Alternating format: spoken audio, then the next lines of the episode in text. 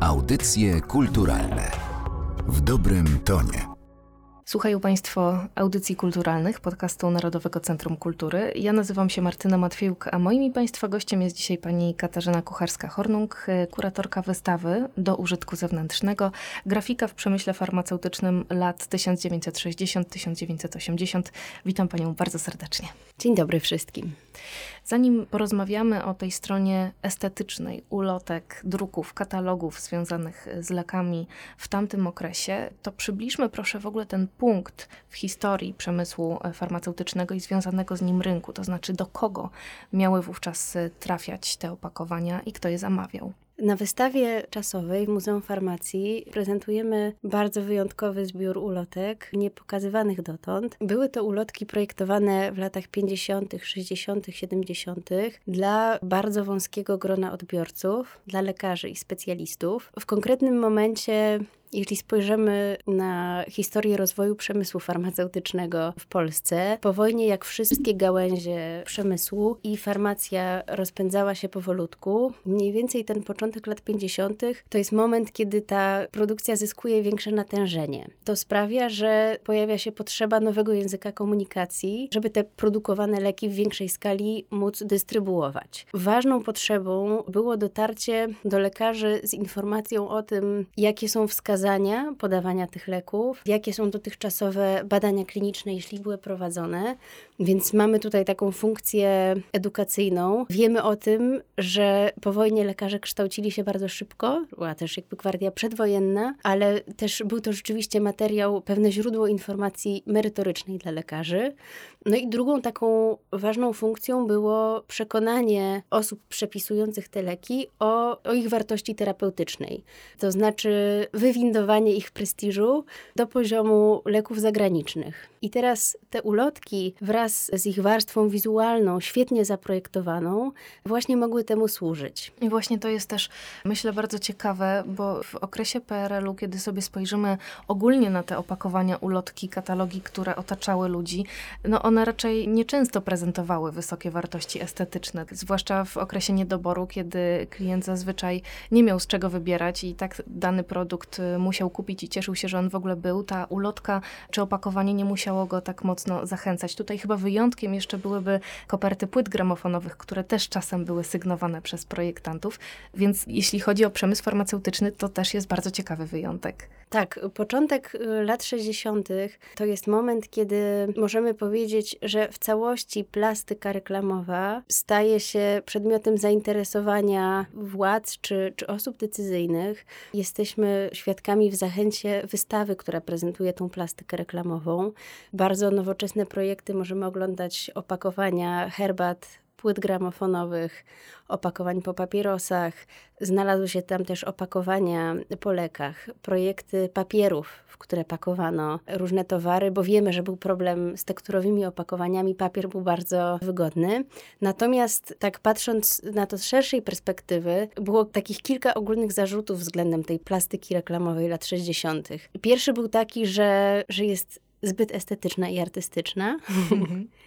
Drugi był taki, że te produkty naprawdę świetnie zaprojektowane, to były te skierowane na eksport. A trzeci zarzut dotyczył właśnie braków materiałowych. To znaczy, że projekt jest świetny, ale możliwości drukarni, czy poligrafii, czy jakości papieru są dużo gorsze. Takim jeszcze ogólniejszym pytaniem, które możemy postawić, rozmawiając w ogóle o plastyce reklamowej, jest pytanie w ogóle o funkcjonowanie reklamy w realiach PRL, czyli w realiach gospodarki sterowanej centralnie. Kiedy zejdziemy trochę głębiej w szczegóły, możemy to obserwować, że niektóre towary mogły być reklamowane, inne nie. To zależało od tego, co miało zapewniony rynek zbytu. Tak zdroworozsądkowo uznawano, że to, co na pewno się sprzeda, nie musi być reklamowane. Natomiast w przypadku leków, maści czy tych preparatów medycznych, do których ulotki my pokazujemy, no tu sytuacja była inna. Znaczy ten rynek zbytu nie był zapewniony, więc otworzono tą możliwość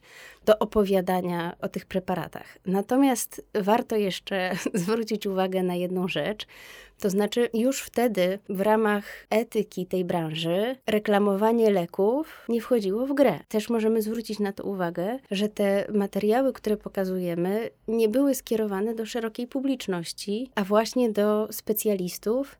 I dołożono rzeczywiście wielu starań, żeby o nich opowiadać formalnie czy w dokumentach, jako o informacji naukowej. Te druki, które prezentują Państwo na wystawie w Muzeum Farmacji, często korzystają z języka, który możemy kojarzyć z Polską Szkołą Plakatu. Przyciągają przede wszystkim mocną barwą. Jakie jeszcze elementy tej estetyki moglibyśmy tutaj zauważyć w przypadku tych projektów? To, co jest zachwycające i co natychmiast się rzuca w oczy, to jest właśnie operowanie plamą barwną, operowanie kolorem oraz zastosowanie znaku graficznego w roli metafory, pewnej sugestii tego, jak, jak działa lek. To, co jakby świadczy o właśnie o klasie projektowania tych ulotek, to są dwie rzeczy. Ten znak graficzny z okładki oraz sposób zaprojektowania makiety tej ulotki w środku. To nie jest tylko po wierzchu. Jakby w środku też widzimy nawiązania do, do okładki i takie bardzo uważne rozplanowanie szpalt, czy przeniesienie niektórych motywów graficznych. I teraz to, co jest najciekawszą chyba zabawą przy tych ulotkach, to rozszyfrowywanie tych znaków, tych rebusów. Dla przykładu mamy ulotkę leku narkosan, który był lekiem podawanym przed zabiegiem jako znieczulenie. Był nazywany archaicznie hypnotykiem i ten lek na okładce zyskał taki obraz kręgów nakładających się na siebie. Trochę może, żeby to jakoś lepiej wyjaśnić. Tak jak wrzucamy kamień do wody, to te kręgi od najmniejszego do najszerszego zaczynają się rozchodzić. Mhm. I na tej okładce mamy takie właśnie kręgi rozchodzące się, tylko jeszcze one się nakładają. Tych jakby punktów wrzutu kamienia jest kilka.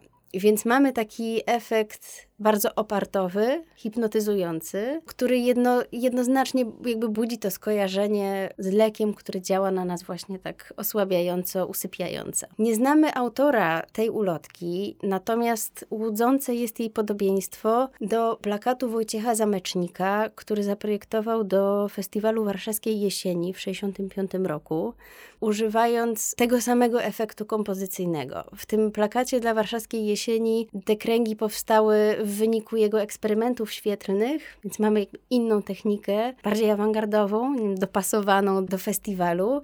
Natomiast to podobieństwo jest niesamowite. Mhm. No właśnie, bo to, czego jeszcze nie powiedziałyśmy, co myślę warto podkreślić, e, to, że za tymi projektami stoją artyści, zazwyczaj artyści z wykształceniem w tym kierunku. Między innymi zobaczył tam Państwo projekty Jerzego Treutlera czy mm, Macieja Hibnera. Wiele z tych projektów jednak pozostaje niesygnowanych i właśnie uprzedziła Pani moje pytania o to, czy próbowała Pani rozszyfrować, kto za nimi może stać. E, pamiętam rozmowę z Panią Ewą Reeves, która była kuratorką e, wystawy retrospektywnej Jerzego Treutlera Treutlera w Muzeum Plakatu kilka lat temu, która opowiedziała mi, że Jerzy Treutler często łapał się za takie, jak to nazywał, fuchy, ponieważ po pierwsze można było dobrze zarobić, po drugie szybko było widać efekty pracy. W związku z tym to go przekonało do tego, aby podążać właśnie w kierunku sztuki użytkowej. Czy wiemy, jak kształtowały się stawki za tego typu projekty, albo w jakich okolicznościach w ogóle projektanci dostawali tego typu zlecenia, jak właśnie projekt ulotki leku? Możemy odtwarzać ten proces. Na wystawie pokazujemy dość niezwykły obiekt, to znaczy prototyp takiej ulotki drukowanej w wielotysięcznych nakładach. Jest to ulotka leku neofenal, całkowicie wykonana ręcznie. Znaczy mamy tekturę z jednej strony pomalowaną na granatowo, z drugiej strony zostawioną w kolorze naturalnym. Wszystkie literki są odrysowane od linijki, białą farbką. Na tym projekcie też mamy czerwoną kredką naniesione uwagi do składu i korektora, że czcionka ma być złożona fontem Paneuropa, że ma być tłusta bądź półtłusta, odpowiednik naszego dzisiejszego pogrubienia. Mhm. Na tym prototypie widzimy też e, pieczątki kolejnych osób, które ten projekt musiały e, zatwierdzać. zatwierdzać. Nie ma tam e, nazwiska autora, ale ten obiekt na wystawie jakby kieruje nas właśnie w stronę tego procesu zamówień na te ulotki. Zakłady farmaceutyczne, takie jak Polfa, czy spółdzielnia Unia, czy spółdzielnia Filofarm, nie pracowały bezpośrednio z grafikami, tylko zlecały przygotowanie tych materiałów innym państwowym przedsiębiorstwom do tego przeznaczonym. Oglądając te ulotki, widzimy te informacje, więc wiemy, że na przykład najczęściej była to Powszechna Agencja Reklamy, która zlecała konkretne projekty konkretnym grafikom, co oznacza, że odzyskanie nazwiska, jakby autorstwa jednej ulotki nie wiązałoby się z przeglądaniem archiwum zakładu farmaceutycznego, ale z przeglądaniem archiwów Powszechnej Agencji Reklamy czy innych tego typu kombajnów. Więc te nazwiska są zgubione w tym procesie. Sami wykonawcy niekoniecznie dbali o ten podpis, bo tak jak no, w przypadku Jerzego Treutlera jakby mamy jakby zachowane to oświadczenie y, przez y, panią Everifs, no to były no, takie zleconka czy hałtury, nie tak bardzo prestiżowe jak na przykład projekty plakatów do filmów, które chętniej sygnowano. Więc w przypadku tego materiału, którym dysponujemy w zbiorach Muzeum Farmacji, my wiemy tylko o kilku konkretnych autorach, właśnie jak Maciej Hibner czy Jerzy Treutler, którzy zadbali o to, żeby ich nazwisko ukazało się na okładce. Natomiast możemy bardzo jasno powiedzieć, że autorzy tych innych ulotek również byli wybitnymi twórcami, ponieważ możemy dokonywać takiej analizy ikonograficznej i porównywać je z, z innymi projektami tego czasu. Więc Odszukiwanie konkretnych nazwisk byłoby trochę szukaniem igły w stogu siana. Łapiemy się tego, co po prostu mamy. Gdzieś e, pomiędzy jeszcze tymi projektami przewinęło się nazwisko Andrzeja Zbrożka, jeśli się nie mylę. Wobec tego zapytam, jak wyglądała praca w ogóle nad e, tą ekspozycją? Skąd pochodzi ten materiał? To są ulotki, które pochodzą z naszych zbiorów, plus e, kilka z nich autorstwa Jerzego Treutlera występuje u nas gościnnie. Pochodzi z archiwum Jerzego i Aliny Treutlerów, właśnie użyczonych przez panią Ewę Reeves. I są to, jak to zazwyczaj bywa w pracy kuratora muzealnika, są to obiekty, które od bardzo dawna były w muzeum i po prostu leżały i czekały na to, żeby zostać zauważone i odkryte. Cofając się wiele, wiele, wiele lat wstecz, możemy powiedzieć, że ulotki te trafiły do naszych zbiorów za sprawą farmaceuty Teodora Kikty, który był wieloletnim pracownikiem zakładów Polfy i kierował działem informacji naukowej, czyli był właśnie jakby w samym sercu tej komórki, która zlecała wykonanie tych ulotek, czy, czy nadzorowała ich przygotowanie ich merytoryczne i wyjście potem tej pracy dalej do Powszechnej Agencji Reklamy.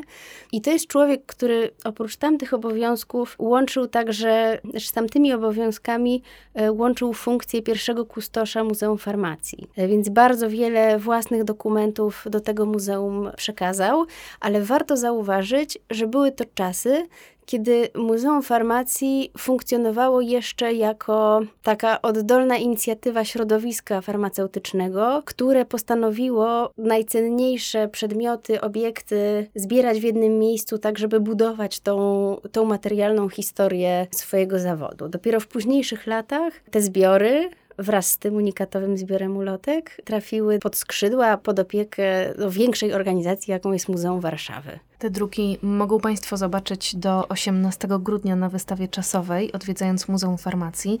Warto, myślę, również dlatego, że przy okazji wystawę stałą e, będą Państwo mogli obejrzeć. Dziś o tej ekspozycji mówiła jej kuratorka, pani Katarzyna Kucharska-Hornung. Bardzo dziękuję i zapraszamy na wystawę. Dziękuję bardzo i zapraszam serdecznie. Audycje kulturalne w dobrym tonie.